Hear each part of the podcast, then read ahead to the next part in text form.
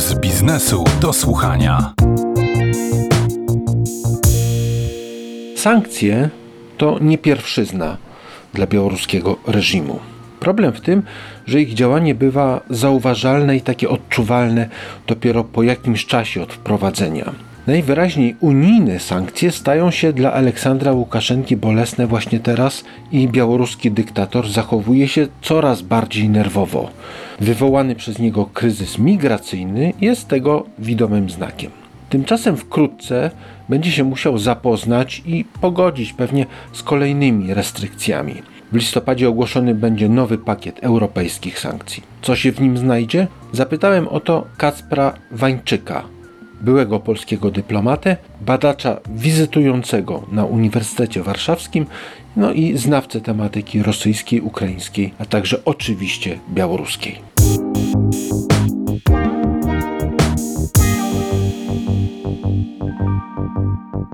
Niestety nie wiem, co się w tych sankcjach znajdzie, ponieważ sankcje są zawsze wrażliwym tematem i dyskusje na temat ich wprowadzenia i zasięgu w Unii Europejskiej są zawsze długotrwałe i właściwie do samego końca nie wiadomo, co to będzie. E, spodziewałbym się e, na pewno rozszerzenia listy osobowej, bo to jest taka rzecz, którą jest najprościej w sumie zrobić, a ma to znaczenie polityczne no bo pokazuje się, że nakłada się sankcje na osoby odpowiedzialne bezpośrednio za represje. Niewykluczone jest wpisanie kolejnych przedsiębiorstw na listę. No i to oczywiście trzeba było jakoś głębiej zanalizować, jakie te przedsiębiorstwa mogłyby być, ponieważ to, co obecnie jest, czyli zakaz importu produktów ropopochodnych i zakaz e, importu produktów potasowych, bo to nie tylko są nawozy, wydaje mi się obecnie najsilniejszym uderzeniem, które Unia Europejska może wykonać sama, ponieważ e, jeżeli chodzi o import produktów ropopochodnych, znaczące by było, gdyby do tych sankcji przyłączyła się Ukraina, która obecnie jest głównym importerem tego towaru z Białorusi. Natomiast jeżeli chodzi o nawozy potasowe czy produkty potasowe, to Unia Europejska nie jest dużym importerem tego towaru. To są przede wszystkim kraje Azji, Chiny, Indie, więc bez e, udziału tych krajów, e, który jest mało prawdopodobny w sankcjach, dużego efektu ekonomicznego się nie osiągnie. Czy to nowa pula sankcji ma szansę być takim przełomowym instrumentem nacisku na administrację Aleksandra Łukaszenki? Ja jestem zwolennikiem tej szkoły, która mówi, że sankcje działają w długim okresie. To znaczy, bardzo ciężko jest wykonać nie tylko mówię o Białorusi, generalnie o różnych krajach, na które są nakładane sankcje, wykonać takie jedno silne uderzenie, które od razu by zmieniło sytuację w danym kraju. Więc y, istotne tu jest utrzymanie tych sankcji. Jeżeli rzeczywiście chcemy wywołać efekt e, ekonomiczny, istotne jest utrzymanie tych sankcji w dłuższej perspektywie. To jeżeli chodzi o sankcje sektorowe, natomiast jeżeli chodzi o sankcje osobiste, to ja uważam, że one mają bardzo mały wpływ. Już, już parę razy to cytowałem w różnych spotkaniach, ale pozwolę sobie może ostatni raz to zacytować. W wierszu Miltona Raj utracony, kiedy szatan spada z nieba, krzyczy, że lepiej być królem w piekle niż sługą w niebie. Więc ci wszyscy urzędnicy czy biznesmeni, którzy są okładani tymi sankcjami osobistymi, one nie mają na nich żadnego wpływu, ponieważ oni mają wszystkie zasoby, które są im potrzebne do szczęścia na miejscu. Oni nie muszą jeździć do Paryża na zakupy. Jeżeli chcą sobie uszyć garnitur na Savile Road, to wyślą jakiegoś swojego powodnego, który przywiezie tego krawca i ten e, garnitur uszyje. Więc wracając e, do początku tej wypowiedzi, jeżeli chodzi o. Nie uważam, żeby to było przełomowe w tym momencie. Jeżeli ma to mieć realny wpływ na sytuację gospodarczą rządu białoruskiego, potrzebne jest długotrwałe utrzymanie sankcji i dołączenie partnerów pozaeuropejskich do tych sankcji. Na przykład Stanów Zjednoczonych albo Chin. Dokładnie tak. Obawiam się, że jeżeli ze Stanami Zjednoczonymi jeszcze może nam się udać, Chiny mogą nie być tak bardzo zainteresowane udziałem w tych sankcjach. Czy w takim razie pozostaje nam tylko czekać, aż te mało dotkliwe sankcje staną się w efekcie bardziej dotkliwe z racji czasu, przez jaki obowiązują? I dzięki temu Łukaszenkę się uda zmiękczyć? Jeśli mówimy o sankcjach, to tak. To, to jest moim zdaniem jedyna rzecz, którą Unia Europejska, czy jak to lubią mówić Rosjanie, e, wspólnotowy lub kolektywny Zachód może zrobić, no to jest właśnie cierpliwość i długi marsz. E, Ale wydaje mi się, że oprócz sankcji istotny jest też ten aspekt pozytywny, czyli to, co już Unia Europejska, kraje członkowskie Unii Europejskiej, w tym Polska, robią, czyli chodzi o mm, pakiety pomocowe dla Białorusi.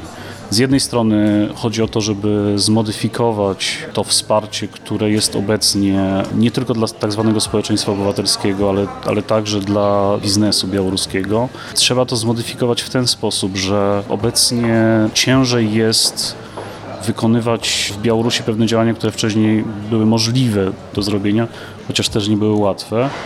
Więc trzeba znaleźć jakieś takie kanały wsparcia, które docierałyby bezpośrednio do ludzi potrzebujących w Białorusi, bo już teraz jest niemożliwe przyjechanie do, czy bardzo trudne, do Warszawy czy do Wilna na jakieś szkolenie, na jakieś wsparcie i przekazanie jakichś środków czy jakiegoś szkolenia. Drugi element to jest przygotowanie właśnie tego planu połukaszenkowskiego, to znaczy jak miałaby wyglądać gospodarka, w ogóle państwo białoruskie, bo to nie chodzi tylko i wyłącznie o samą gospodarkę, ale także o pozostałe elementy państwa i przygotowanie wsparcia finansowego dla tych reform. Te prace Zachód może wykonywać już teraz. Pozostaje pytanie, czy po Łukaszence to będzie taka Białoruś jak za jego rządów z kimś innym na czele, czy to już będzie zupełnie inna, dążąca ku zachodnioeuropejskiej demokracji Białoruś?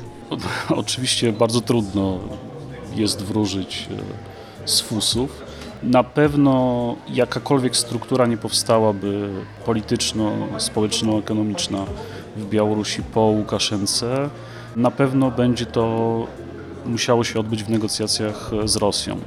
To nie tylko wynika z tego, że Rosja jest zaangażowana w Białorusi, jest największym partnerem ekonomicznym, największym inwestorem, największym kredytodawcą. Wynika to też z tego, że sama opozycja białoruska podkreśla, że nie wyobrażają sobie jakiejś drastycznej zmiany geopolitycznej, że nagle teraz zaczęliby mówić o przystąpieniu do Unii Europejskiej czy przystąpieniu do NATO. Więc to rozwiązanie białoruskie, stety czy niestety, no ale taka jest realność, wymagać będzie e, jakichś rozmów z Rosją. Białoruscy analitycy i opozycjoniści podkreślają, że to jest istotne, żeby Zachód to zrozumiał. To znaczy możliwe jest z ich punktu widzenia e, stworzenie demokratycznej Białorusi, która blisko współpracuje z Rosją. Jedno drugiemu nie przeczy. Czy jakieś takie kroki, które byłyby podjęte teraz, mam na myśli administrację Łukaszenki, w rodzaju na przykład przyjęcie wspólnej waluty rosyjsko-białoruskiej, to są takie kroki, które byłyby nieodwracalne, czy jednak istnieje taka wizja wolnej, niezależnej od Rosji, Białorusi, niezależnie od takich kroków? Wydaje mi się, i to pokazuje cała historia tych tak zwanych map drogowych integracji, że w najbliższym czasie Aleksander Grigoriewicz nie będzie podejmował też jakichś drastycznych decyzji integracyjnych, czyli wyrażał zgody na któreś z tych rzeczywiście takich znaczących projektów typu właśnie, jak Pan mówi, wprowadzania wspólnej waluty. Wynika to z tego faktu, że dla niego ta integracja, przede wszystkim integracja gospodarcza z Rosją jest praktycznie ostatnią kartą przetargową, jaką on ma w, w rozmowach z Moskwą, żeby otrzymywać kolejne wsparcie finansowe. No bo nie oszukujmy się, że na wsparciu finansowym z Moskwy Łukaszenko utrzymuje swoją prywatną suwerenność. Jeśli chodzi o przyszłość, wydaje mi się, mm, że jeżeli dojdzie rzeczywiście do jakiejś zmiany władzy, to tak jak mówiłem, ta, ta zmiana władzy będzie się odbywała z jakimś tam udziałem jednak Federacji Rosyjskiej.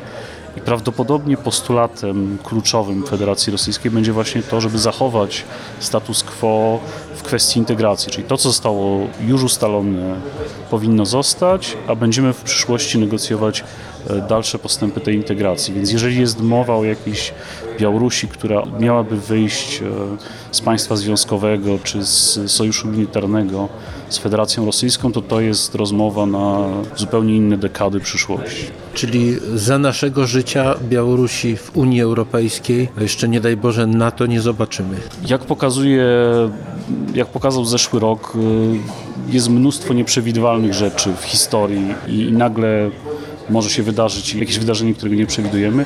Natomiast biorąc te czynniki, które mamy teraz, y, nie sądzę, żeby to się zdarzyło za naszego życia.